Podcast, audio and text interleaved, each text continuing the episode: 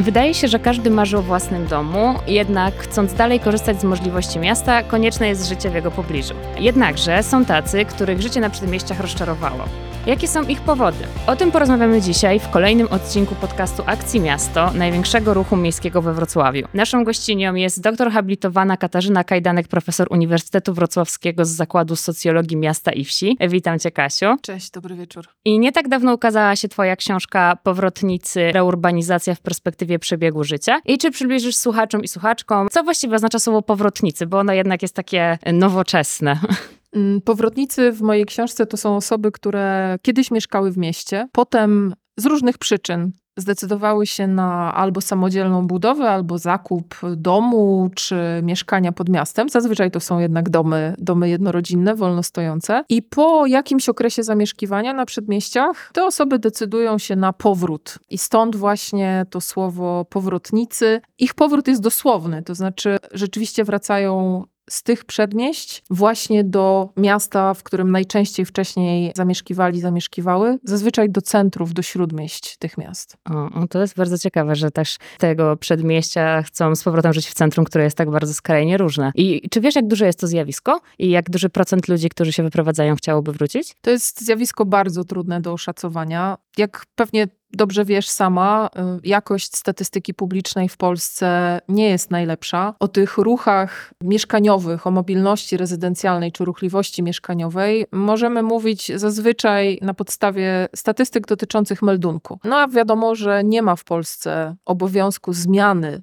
miejsca zamieszkania, zmiany meldunku, kiedy się przeprowadzamy. No, ja sama jestem tego przykładem, wciąż jestem zameldowana w mieszkaniu moich rodziców, w którym nie mieszkam już mniej więcej od 15 lat. Tak, jak większość ludzi, dokładnie. Tak, więc statystyki publiczne nie chwytają w większości nawet skali e, przemieszczeń na przedmieścia. Tego, co widzimy na własne oczy, kiedy na przykład próbujemy wyjechać z Wrocławia, czy to przez Bielany wrocławskie, kierując się gdzieś, e, nie wiem, do Kotliny Kłodzkiej, albo jak jedziemy w stronę Warszawy i mijamy Długołękę, Mirków i tak dalej. Widzimy bardzo dużo domów. W tych domach mieszkają ludzie, ale statystyki pokazują zaledwie część tych, którzy faktycznie tam mieszkają, którzy faktycznie tam przebywają. I tak samo jak e, bardzo trudno znaleźć miarodajne miarodajne, pełne dane dotyczące suburbanizacji, tym trudniej oszacować faktyczną skalę tych powrotów. Te osoby w statystykach bardzo często w ogóle się nigdzie nie ruszały, tak? Bo jeżeli tak się zdarzy, że wracają do mieszkań, które wciąż pozostawały w ich własności,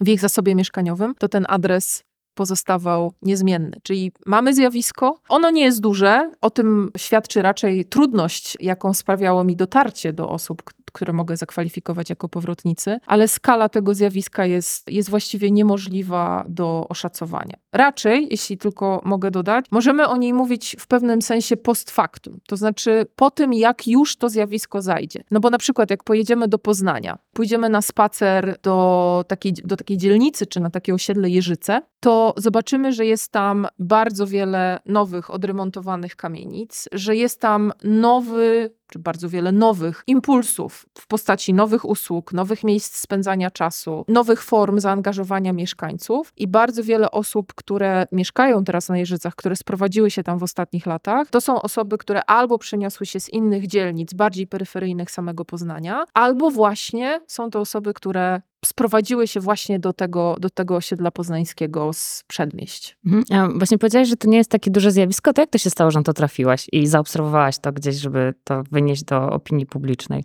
Chyba kierowała mną taka logika, że skoro kiedyś, dawno temu pisałam pracę magisterską o kondycji wrocławskiego centrum, zadawałam sobie pytanie, gdzie ono tak właściwie jest, jakie są jego granice, co to centrum współcześnie znaczy dla wrocławian. To było naprawdę dawno temu w 2004-2005 roku. Myślę, że wtedy przestrzeń publiczna miejska była dla nas trochę czymś innym niż teraz. Później zajmowałam się suburbanizacją, czyli właśnie tym odwrotem od miasta. To chyba trochę z takiej potrzeby idealnych konstrukcji składających się z trzech elementów, tak? Trójka jako, jako pewien ideał przestrzenny, filozoficzny, matematyczny, jaki jeszcze e, e, sobie życzysz, to po prostu stwierdziłam, że okej, okay, po czasie zajmowania się przedmieściami czas znowu zerknąć na centrum. I jakoś tak się złożyło, że podróżowałam po osiedlach podmiejskich, bo miałam pomysł na zupełnie inny projekt badawczy. Chciałam się zastanowić, jak się żyje na przedmieściach dzisiaj, bo wiadomo, że one się różnicują. Są przedmieścia, które nadal są spełnieniem takiego podmiejskiego snu, ale są też przedmieścia, które no właściwie są takim ko koszmarem trochę, czy spełnieniem pewnego koszmaru. I podróżując po tych osiedlach podmiejskich, zaczęłam zauważać domy, na których powiewały takie wielkie płachty, plandeki z napisem na sprzedaż. I pomyślałam sobie, wow, jak to jest możliwe? Przecież domek jednorodzinny, domek pod miastem, to jest nadal spełnienie wielkiego marzenia. Bardzo wiele osób nadal się wyprowadza pod miasto. Kim są ci i co się musiało wydarzyć w życiu osób, gospodarstw domowych, rodzin, które decydują się na sprzedaż tego domu i gdzie one się potem przenoszą? No i oczywiście pewnie niektórzy przenoszą się do miejsc jeszcze bardziej oddalonych, tak? czyli e, rzucają wszystko i wyprowadzają się w, w Bieszczady, ale okazało się, że jak jakby rzuciłam w eter takie hasło, czy ktoś zna takie osoby, które się wyprowadzają z domu pod miastem, czy ja mogłabym z tymi osobami porozmawiać, to kolejne, kolejne, kolejne wywiady pokazywały, że to są przemieszczenia właśnie z przedmieść tych domków pod miastem do dzielnic śródmiejskich. Mhm, to może pogadajmy o przyczynach tych przeprowadzek, bo tak jak mówisz, to jest zaskakujące, że ludzie spełniający swoje marzenia nagle stwierdzają, że jednak życie w hałaśliwym centrum jest lepsze. Powiedziałabym tak najogólniej, żeby tych prawie 400 stron mojej książki zamknąć e, w krótkiej rozmowie, że powodem przeprowadzek jest narastające rozczarowanie i narastający rozdźwięk pomiędzy i rozbieżność pomiędzy tym, jakie oczekiwania ludzie mieli względem tych osiedli podmiejskich, względem domku pod miastem, względem sąsiedztwa, względem szerszej okolicy, na przykład otoczenia gminnego, infrastruktury gminnej i tak dalej. Jakie mieli oczekiwania dotyczące też jakby siebie, jak oni się w tym odnajdą, czy to na pewno jest dla nich, i okazuje się, że o ile w pierwszym okresie zamieszkiwania pod miastem bardzo wiele z tych osób było naprawdę szczęśliwych i ten dom podmiejski, dla wielu z nich zresztą nadal, jest ważnym życiowym osiągnięciem, jest takim źródłem, wiesz, satysfakcji, że udało się, ja wiem, że tak trochę neoliberalnie i w duchu takim balcerowiczowskim, ale udało się wziąć sprawy w swoje ręce, udało się przewalczyć trudności i ten dom powstał, rodzina tam zamieszkała i przez jakiś czas była nawet całkiem szczęśliwa, ale potem okazuje się, że wraz ze zmianami w ramach gospodarstwa domowego, wraz z tym, że dzieci rosną, zmieniają się ich oczekiwania, zmieniają się oczekiwania też dorosłych, czas płynie nieubłaganie, więc ci, którzy wyprowadzali się jako 40-50-latkowie, zbliżają się do takiego wczesnego wieku senioralnego. Okazuje się, że ten podmiejski świat, w najszerszym sensie, zarówno społeczny, jak i przestrzenny, bardzo, w bardzo niewielkim stopniu odpowiada na ich potrzeby. Albo zmienił się w taką stronę, która stała się niekorzystna, albo przeciwnie, w ogóle się prawie nie zmienił. Nie pojawiły się tam na przykład podstawowe usługi czy podstawowa infrastruktura, która pozwoliłaby żyć zgodnie ze swoimi oczekiwaniami, zgodnie ze swoimi aspiracjami. I teraz to, co jest ważne i naprawdę zależy mi, żeby to, żeby to wybrzmiało. Prawdopodobnie na przedmieściach jest bardzo wiele osób, które nadal są super zadowolone z tego, że tam mieszkają. Mm, tak jak mówiłam na początku, nie ma jednej suburbanizacji, nie ma, znaczy suburbia to nie jest jednolity twór, tak, tak. są bardzo różne przedmieścia, więc prawdopodobnie wiele osób jest super zadowolonych z tego, że, że na przedmieściach mieszka, nigdy by się stamtąd nie, nie wyprowadziło. Jest ta moja kategoria powrotników, o niej powiem za chwilę, ale jest też sporo osób, które poczuły to niedopasowanie, poczuły to, co się w literaturze nazywa stresem mieszkaniowym, czyli właśnie tą rozbieżnością, tym rozdźwiękiem. Rozbieżnością oczekiwania od e, rzeczywistości. Tak? Dokładnie.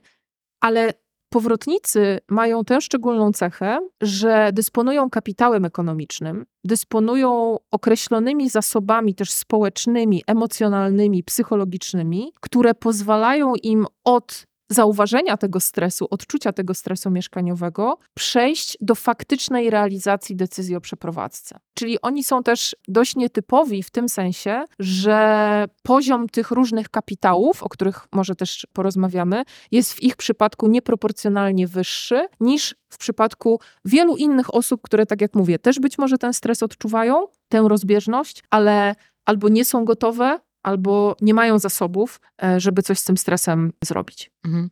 I czy to już jest wszystko, jeśli chodzi o przyczyny prowadzek z przedmieść na, do centrum miast, czy jeszcze chciałabyś coś Wiesz, no ja o powiedzieć? niej, ja, ja o tej przyczynie powiedziałam bardzo ogólnie, znaczy, że to Mhm, jest ta tak, rozbieżność, nie? Ale gdybyśmy mieli powiedzieć o jakichś takich super konkretnych rzeczach, no to na przykład jedną z najbardziej chyba dojmujących niedogodności są dojazdy wynikające z niewydolności transportu publicznego. I tu nie chodzi tylko o taką rzecz, o której myślimy, że tak powiem, na, na pierwszy rzut oka, tak? Tylko, czyli, że nie wiem, to trwa długo, trzeba wcześniej wstawać, później się wraca do domu, że benzyna kosztuje coraz więcej i więcej, że są korki, czy wzrasta zanieczyszczenie powietrza. Ale to jest też wiele rzeczy, które ujawniają się dopiero po wielu latach. Na przykład to, że dzieci, które przez większość swojego y, życia były dowożone, mają pewien rodzaj deficytu. Na przykład samodzielności, odporności na inność, odporności na różnorodność miejską. Na przykład boją się takich osób, które my na co dzień w mieście spotykamy, które na przykład, nie wiem, żebrzą, albo grzebią w śmieciach, albo ewidentnie y, są dotknięte y, chorobami psychicznymi, albo na przykład jadą tramwajem i brzydko pachną i cały tramwaj znajduje się w innej części. Takie dzieci, nastolatki bardzo ciężko to przeżywają. Po prostu nie mają treningu obcowania z taką różnorodnością, obcowania z odmiennością ta samodzielność dziecięca czy nastoletnia, e, wynikająca z, czy ograniczenie tej samodzielności wynikającej z transportu, dotyczy też na przykład sfery ekonomicznej. Nawet jeżeli mamy do czynienia z nastolatkami, które są w dość zamożnych rodzinach, to wiadomo, że każdy chce mieć czasami jakieś pieniądze dla siebie, prawda?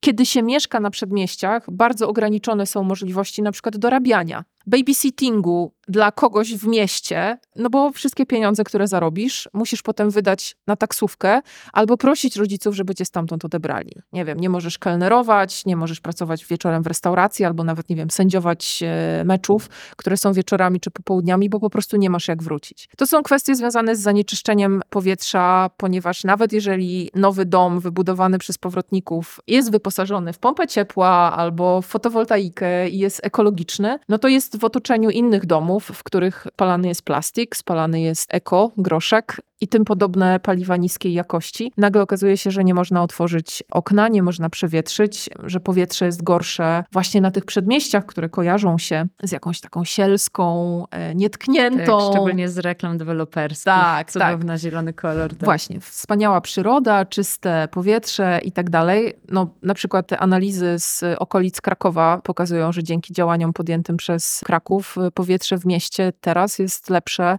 niż na przykład w gminach sąsiednich, gdzieś w Mhm. Okolicy Skawiny czy, czy innych miejsc. Także to jest, tych powodów jest oczywiście mm, dużo więcej, ale wydaje się, że te dwa są takimi, które wybijają się najmocniej, dotykają też y, najmocniej wielu sfer życia powrotników. Jak o tym wszystkim opowiadasz, to ja sobie głównie wyobrażam taką rodzinę, rodzice około 35 lat i dzieci, nie wiem, 5-10 lat. E, A czy to właśnie tak wygląda głównie, ten przekrój społeczny powrotników, czy to może jest bardziej zróżnicowane wiekowo? Wiesz, nie jestem w stanie powiedzieć, jak e, wyglądałby w takim ujęciu statystycznym, reprezentatywnym e, przekrój powrotników, bo tutaj wracamy do tej kwestii, że nie, nie mamy na ten temat e, miarodajnych danych. E, W moich badaniach, które też oczywiście nie są reprezentatywne, są raczej taką mm, akupunkturą, powiedzmy, pe, pe, pewną próbą rozpoznania punktowego e, zjawiska, zdarzyło się jakoś tak, że powrotnicy ułożyli się w trzy kategorie. Jeśli by patrzeć na te trzy grupy czy trzy kategorie z perspektywy wieku, to idąc od najstarszych mam osoby w wieku 65 plus,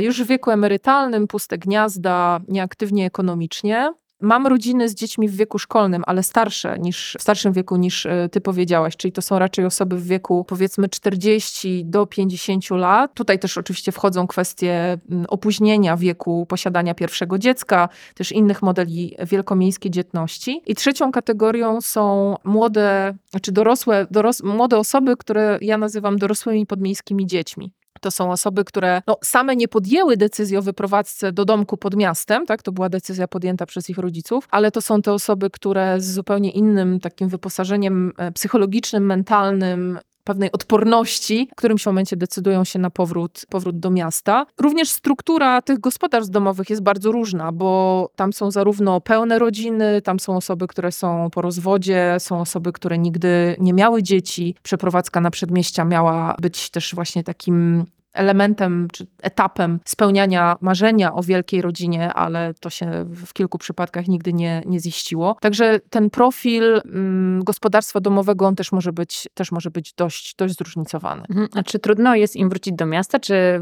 spotykają jakieś przeszkody, albo czy trudno im się zaklimatyzować z powrotem? Wiesz, y, ta przeszkoda, która jest pierwszoplanowa, która przychodzi nam do głowy, czyli ekonomia, tak? czyli to, że sprzedać dom pod miastem albo wynająć go i potem za uzyskane z tego wynajmu czy sprzedaży pieniądze kupić albo wynająć mieszkanie, to jest, y, to, to, oczywiście to nie jest łatwe, tak? I to, to kosztuje czas i, i, mm, pewien wysiłek, ale tak jak mówiłam, w większości przypadków powrotnicy to są osoby dość zamożne, czy to um, dzięki pewnemu majątkowi, który pozostawał w dyspozycji ich rodziny, czy po prostu osoby, które wykonują świetnie płatne na obecnym rynku e, zawody, osoby, które jakoś tą sferę materialną mają, że tak powiem, po stronie komfortu swojego życiowego, więc to nie był dla nich pierwszoplanowy problem. Powiedziałabym, że taką przeszkodą, której wydaje mi się, że często się nie docenia, a ona jest naprawdę istotna, jest rodzaj przewalczenia pewnej normy kulturowej i takiego przekonania, że własny dom, dom pod miastem, to jest coś bardzo dobrego i bardzo wartościowego. I jeżeli ktoś z własnej woli pozbywa się tego, to prawdopodobnie popełnia błąd i powinien się dwa razy zastanowić. Te osoby, z którymi ja rozmawiałam, mówiły o tym, że często spotykały się z rodzajem e, takiej sankcji społecznej, pewnej kary społecznej spojrzeń i komentarzy pełnych niezrozumienia e, ze strony przyjaciół, rodziny, czasami pretensje ze strony rodziców, którzy na przykład wcześniej dokładali się do budowy tego domu albo na przykład byli fundatorami działki. Zauważyłam też, że w momencie, kiedy to wsparcie takie emocjonalne, społeczne dla decyzji o wyprowadzce pojawia się, to powrotnikom tę decyzję jest dużo łatwiej podjąć. Ale to chyba nie jest nietypowe, bo wydaje mi się, że wsparcie dla decyzji, które chcemy podjąć, zawsze pomaga nam w tym, w tym procesie tak. decyzyjnym. Tak. I tutaj to też się sprawdza. I szczególnie w takich przypadkach, kiedy podejmuje się takie niestandardowe decyzje, jak właśnie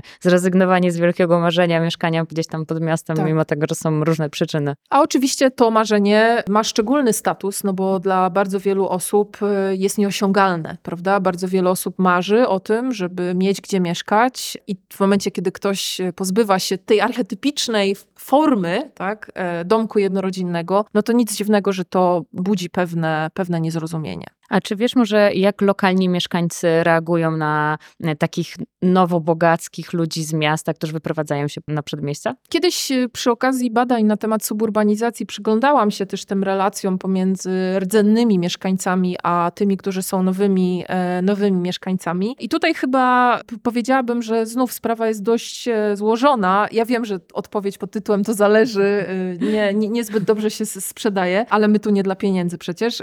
To zależy od tego, w jakie środowisko, zarówno społeczne, jak i przestrzenne, ci nowi mieszkańcy wchodzą. Suburbanizacja w Polsce ma taką szczególną cechę, że jej duża część odbywa się wokół rdzeni starych wsi. Czyli masz starą wieś, która istnieje od bardzo mhm. dawna i gdzieś na jej obrzeżach, na polach, które już nie są uprawne, które z ziemi rolnej zostają przekształcone na, na, działki budowlane i potem sprzedawane właśnie w takim duchu urbanistyki łanowej, o, o której pisał e, świetnie Łukasz Drozda, powstają nowe domy. I one powstają czasami bliżej tej, tego starego rdzenia wsi, czasami troszkę dalej, ale są takimi łatkami czy plombami w pewnym sensie, można by powiedzieć, uzupełniającymi tę starą e, zabudowę.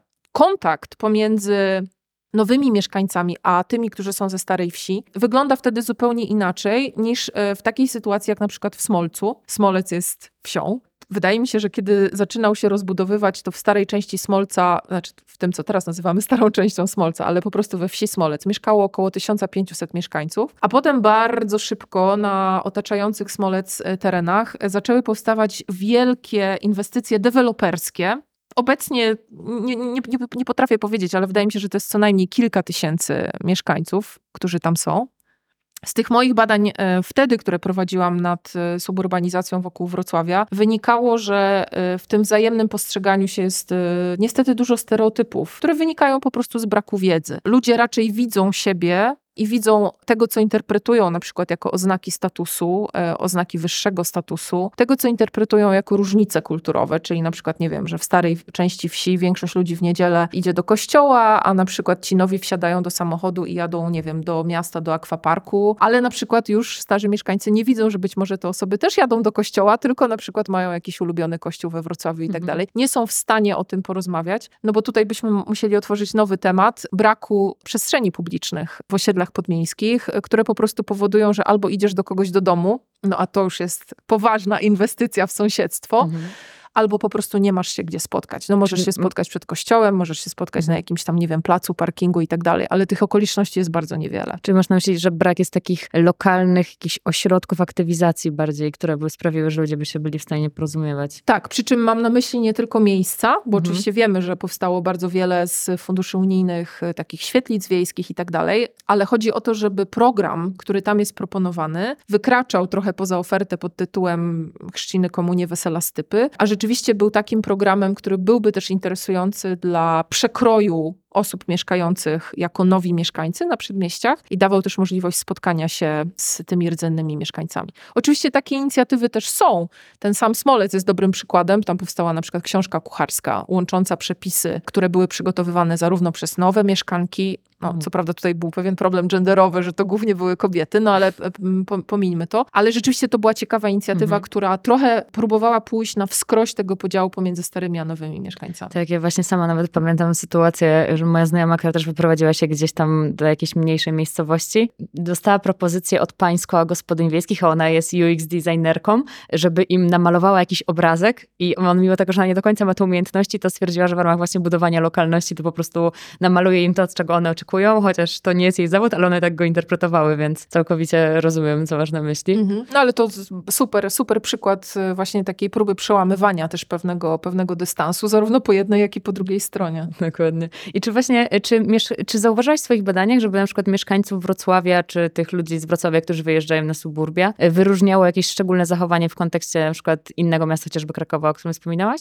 Można by tutaj tak zażartować, że widać zabory. Oczywiście, y, jeśli chodzi o tych powrotników z Małopolski, głównie osoby, które zamieszkiwały w gminach właśnie podkrakowskich. E, Faktycznie w rozmowach z nimi szczególnie wspominana była taka różnica związana z dużo wyższym poziomem konserwatyzmu i takiego e, familiaryzmu, czyli skupiania się wyłącznie na środowiskach rodzinnych e, przez tych rdzennych mieszkańców. Bardzo trudno było tam wejść takie poszerzone rodziny, gdzie na przykład, nie wiem, we wsi są trzy nazwiska i właściwie wydaje się, że, że wszyscy w danej wsi mają tylko te trzy nazwiska i rzeczywiście okazuje się, że to jest jakaś bardzo, bardzo duża, wielopokoleniowa i w ogóle z wieloma odnogami e, rodzina. Bardzo trudno jest to przełamać. E, Wysoki poziom konserwatyzmu, też takiego podbitego istotną rolą e, kościoła, parafii i też takich praktyk religijnych, które ogniskują w sobie różne praktyki społeczne, kulturalne, obywatelskie i też trudno jakby wyjść trochę poza taki krąg powiedzmy parafialny. I trzecia rzecz, która moim zdaniem też odróżnia, bo ani w przypadku rozmów około wrocławskich, ani poznańskich, ani trójmiejskich, ani warszawskich to się nie pojawiło, to jest kwestia bardzo szczególnego podejścia do własności ziemi. Myślę, że to jest też taki efekt trochę głodu ziemi, jeszcze takiego galicyjskiego. Tam rzeczywiście wszelkie próby, nawet czasami, nie wiem, e, omyłkowego czy przypadkowego przekraczania granic działek, e, związanego na przykład, nie wiem, z omyłkowym przesunięciem płotu o 10 centymetrów, albo tym, że piłka dziecka wpada ciągle na czyjś teren, albo ktoś wybrał się na spacer i po prostu przeciął czyjeś pole, to się okazywało zarzewiem czasami takich bardzo zaognionych, bardzo mocnych e, konfliktów. I mm, właśnie te, te powrot, po, po, powrotnicy, powrotniczki, z którymi ja rozmawiałam, które wychodziły właśnie z tych środowisk małopolskich, wracały do Krakowa, właśnie w takich kategoriach, czyli tego konserwatyzmu, familiaryzmu i głodu ziemi, interpretowały, interpretowały te różnice. Także tak, myślę, że różnice regionalne nadal, nadal są widoczne. No to właśnie ciekawe, Trochę o tym zapominamy. Znaczy, wydaje tak. nam się, że po prostu istnieje coś takiego jak, nie wiem, metropolitalna Polska, Dokładnie. Polska i miasta i ich suburbia, e, ale rzeczywiście tam się da zauważyć pewne, pewne różnice. A już wspomniałaś o Smolcu, a czy masz jeszcze jakieś inne przykłady, które są bardzo pozytywne i bardzo negatywne, jeśli chodzi o okolice Wrocławia i, i właśnie takie przykłady przedmieść? Wiesz co, tutaj y, jeśli chodzi o przykłady pozytywne i negatywne, to chyba jest tak, że one pod różnymi względami można by je nazwać rzeczywiście pozytywnymi. Na przykład, nie wiem, tam, gdzie jest więcej dostępu do zieleni, więcej starodrzewu, krótsze dystanse do tego, żeby po prostu gdzieś wyjść i znaleźć się w ładniejszym y, otoczeniu, to prawdopodobnie te okolice y, będą miały nieco gorszy dostęp do infrastruktury, nie wiem, dużo drożej Mhm. ze względu na dystanse i właśnie tę zieleń. Dużo drożej kosztuje poprowadzenie wodociągu, czy gazu, czy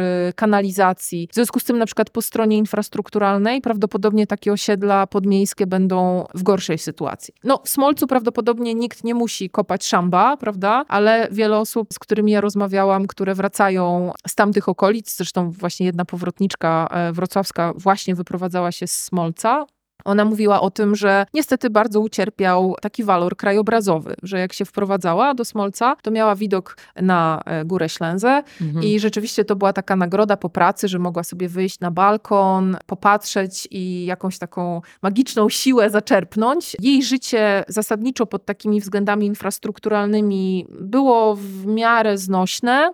Natomiast e, bardzo szybko po tym, jak e, zamieszkała w Smolcu, ten krajobraz po prostu został zabudowany i widok na Górę Ślęzę mm, zasłoniła jakaś hala sportowa czy coś takiego. No super, że powstała hala sportowa, prawda? No ale pytanie, czy chcemy hali sportowej, czy chcemy widoku na Ślęzę, mm, nie da się prawdopodobnie zjeść ciasteczka i mieć ciasteczka na Tak, przedmieściach. zdecydowanie. Wyobrażam sobie rozczarowanie tych ludzi, którzy kupują mieszkanie czy dom właśnie z takim pięknym widokiem i w rezultacie i tak właśnie to wszystko się przeradza w takie mini miasteczko i nie, to, od czego uciekali w rezultacie i tak zostaje tym samym. Tak, To no nawet- niestety te, te miejsca, które są, nie wiem, czy nadmiernie reklamowane, czy mm, po prostu dobrze reklamowane, Mhm. bardzo szybko mm, padają ofiarami e, swojego, swojego sukcesu i rzeczywiście dość szybko tracą te walory, które przyciągały tam pierwszych, pierwszych mieszkańców. E, Tak, i czy zjawisko wyprowadzania się nad przedmieścia według ciebie łączy się ze zjawiskiem rozlewania się miast? I czy w ogóle właśnie wiesz coś więcej o tym procesie i e, czy on jest pozytywnym bądź negatywnym skutkiem dla administracji i miasta? Mhm. No jeśli chodzi o rozlewanie się miast, to jest to, co, to jest to, to zjawisko,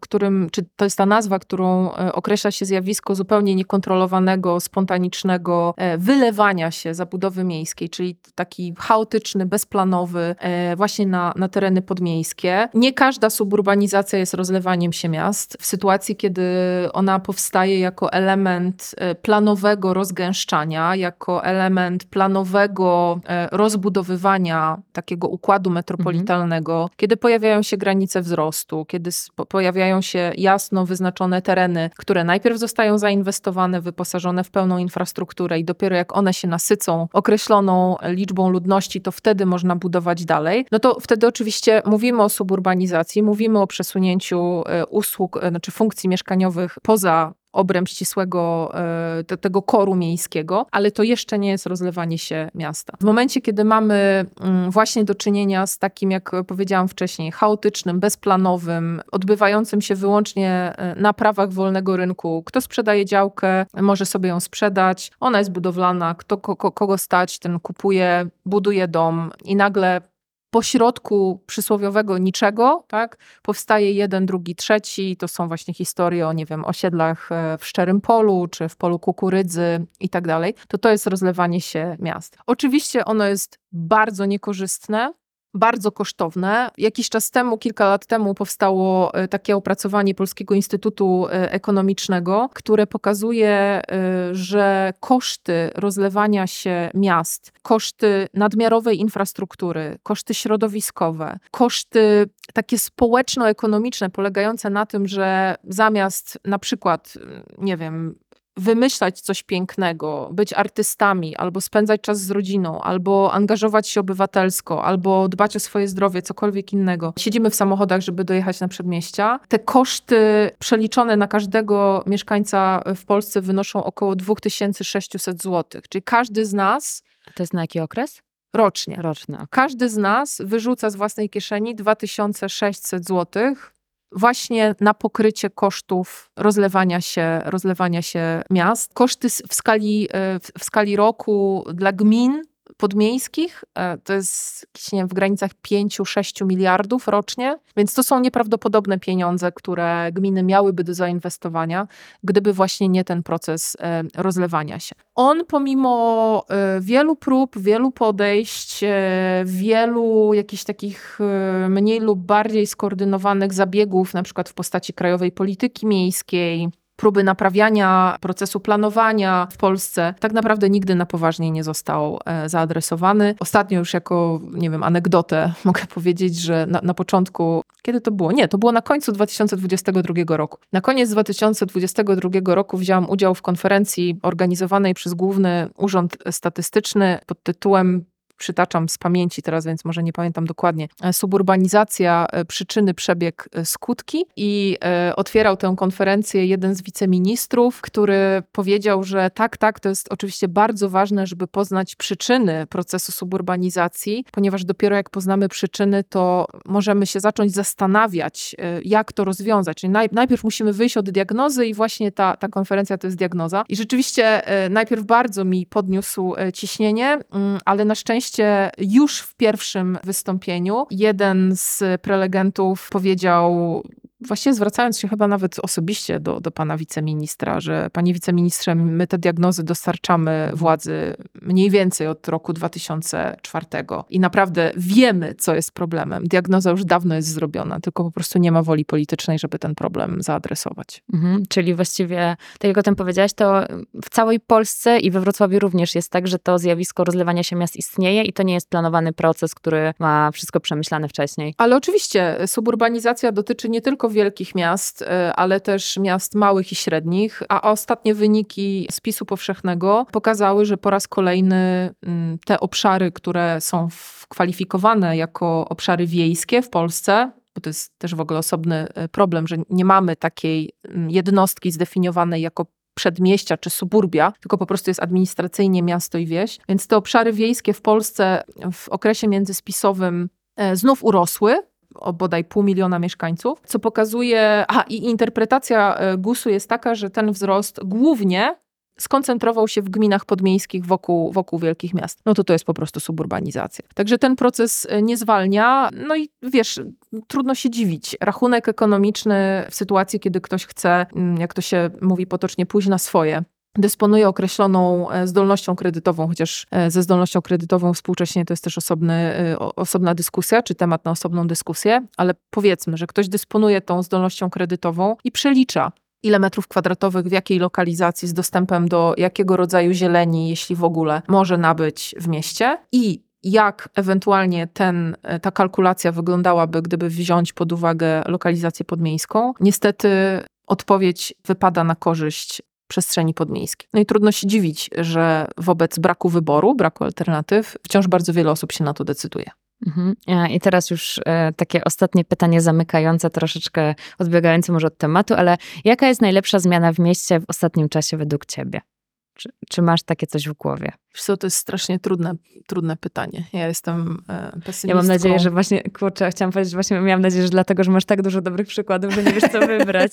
Ale wiesz co, jak mówisz ostatnio, e, to co masz tak naprawdę na myśli? No myślę, że to, co ci przychodzi do głowy, co zrobiło na, na tobie takie wrażenie, że po prostu zapadło ci w pamięć. To może mhm. być nawet perspektywa pięciu lat, może być mhm. kilku miesięcy, to okay. od ciebie zależy. Okej, okay. to wiesz co, y, moim zdaniem, tak jak wiele, to trochę zaprzeczę, że jestem e, pesymistką, ale postaram się zobaczyć coś dobrego w pandemii ten czas, który moim zdaniem e, bardzo mocno nami wstrząsnął, szczególnie ten etap e, ścisłego lockdownu, wydaje mi się, że bardzo mocno pokazał ludziom wagę dostępu do zieleni i wagę dostępu do takich przyjaznych przestrzeni, nie będących ich domem, nie będących czterema ścianami, ale będących w bliskim zasięgu. I moim zdaniem to, że nie wiem, może, może to jest też kwestia kontrastu i potrzebujemy jeszcze paru lat, żeby się przekonać, czy to się utrzyma, ale moim zdaniem y, widziałam więcej osób korzystających ze spacerów na wałach, bycia w parkach, w ogóle doceniania i jakby w ogóle mówienia o tym, że jak fajnie, że są wielkie drzewa, że można gdzieś wyjść, pospacerować, popatrzeć, odde od, złapać oddech, posiedzieć nad rzeką. Wydaje mi się, że mm, taka dobra zmiana to jest właśnie docenienie tej ekosfery, sfery zieleni, takiej nazwijmy ją e, niebiesko-zielonej sfery miasta. I wydaje mi się, że również młodsze osoby mm, coraz więcej uwagi będą tej, tej warstwie funkcjonowania przestrzeni miejskiej, więcej uwagi będą poświęcać. I to wydaje mi się być taką dobrą zmianą, która też chyba zostanie z nami na dłużej. Dobrze, to dziękuję Ci bardzo. Jesteś po prostu kopalnią wiedzy. Mam wrażenie, że można by było zadawać każde kolejne pytanie do Twoich odpowiedzi, naprawdę. Bardzo dziękuję. To mo- możecie mnie jeszcze zaprosić. tak, dokładnie mam chętnie o taki plan. Y, To y, dzięki jeszcze raz i jeśli chcecie zdobyć jeszcze więcej informacji, zachęcamy Was do przeczytania książki Kasi, czyli Powrotnicy Reurbanizacja w perspektywie przebiegu życia, a nas, czyli Stowarzyszenie Akcja Miasto, znajdziecie na Facebooku, Twitterze i Instagramie, wystarczy wpisać Akcja Miasto. Y, Zapraszamy także na naszą stronę internetową akcjamiasto.org, gdzie możecie poczytać więcej o tym, co robimy i jak do nas dołączyć. Rozmowę przeprowadziła dla Was Marta Ślipek, produkował Arek Młynarczyk, a naszą gościnią była doktor habilitowana Katarzyna Kajdanek, profesor Uniwersytetu Wrocławskiego z Zakładu Socjologii Miasta i Wsi. Do 啥呢？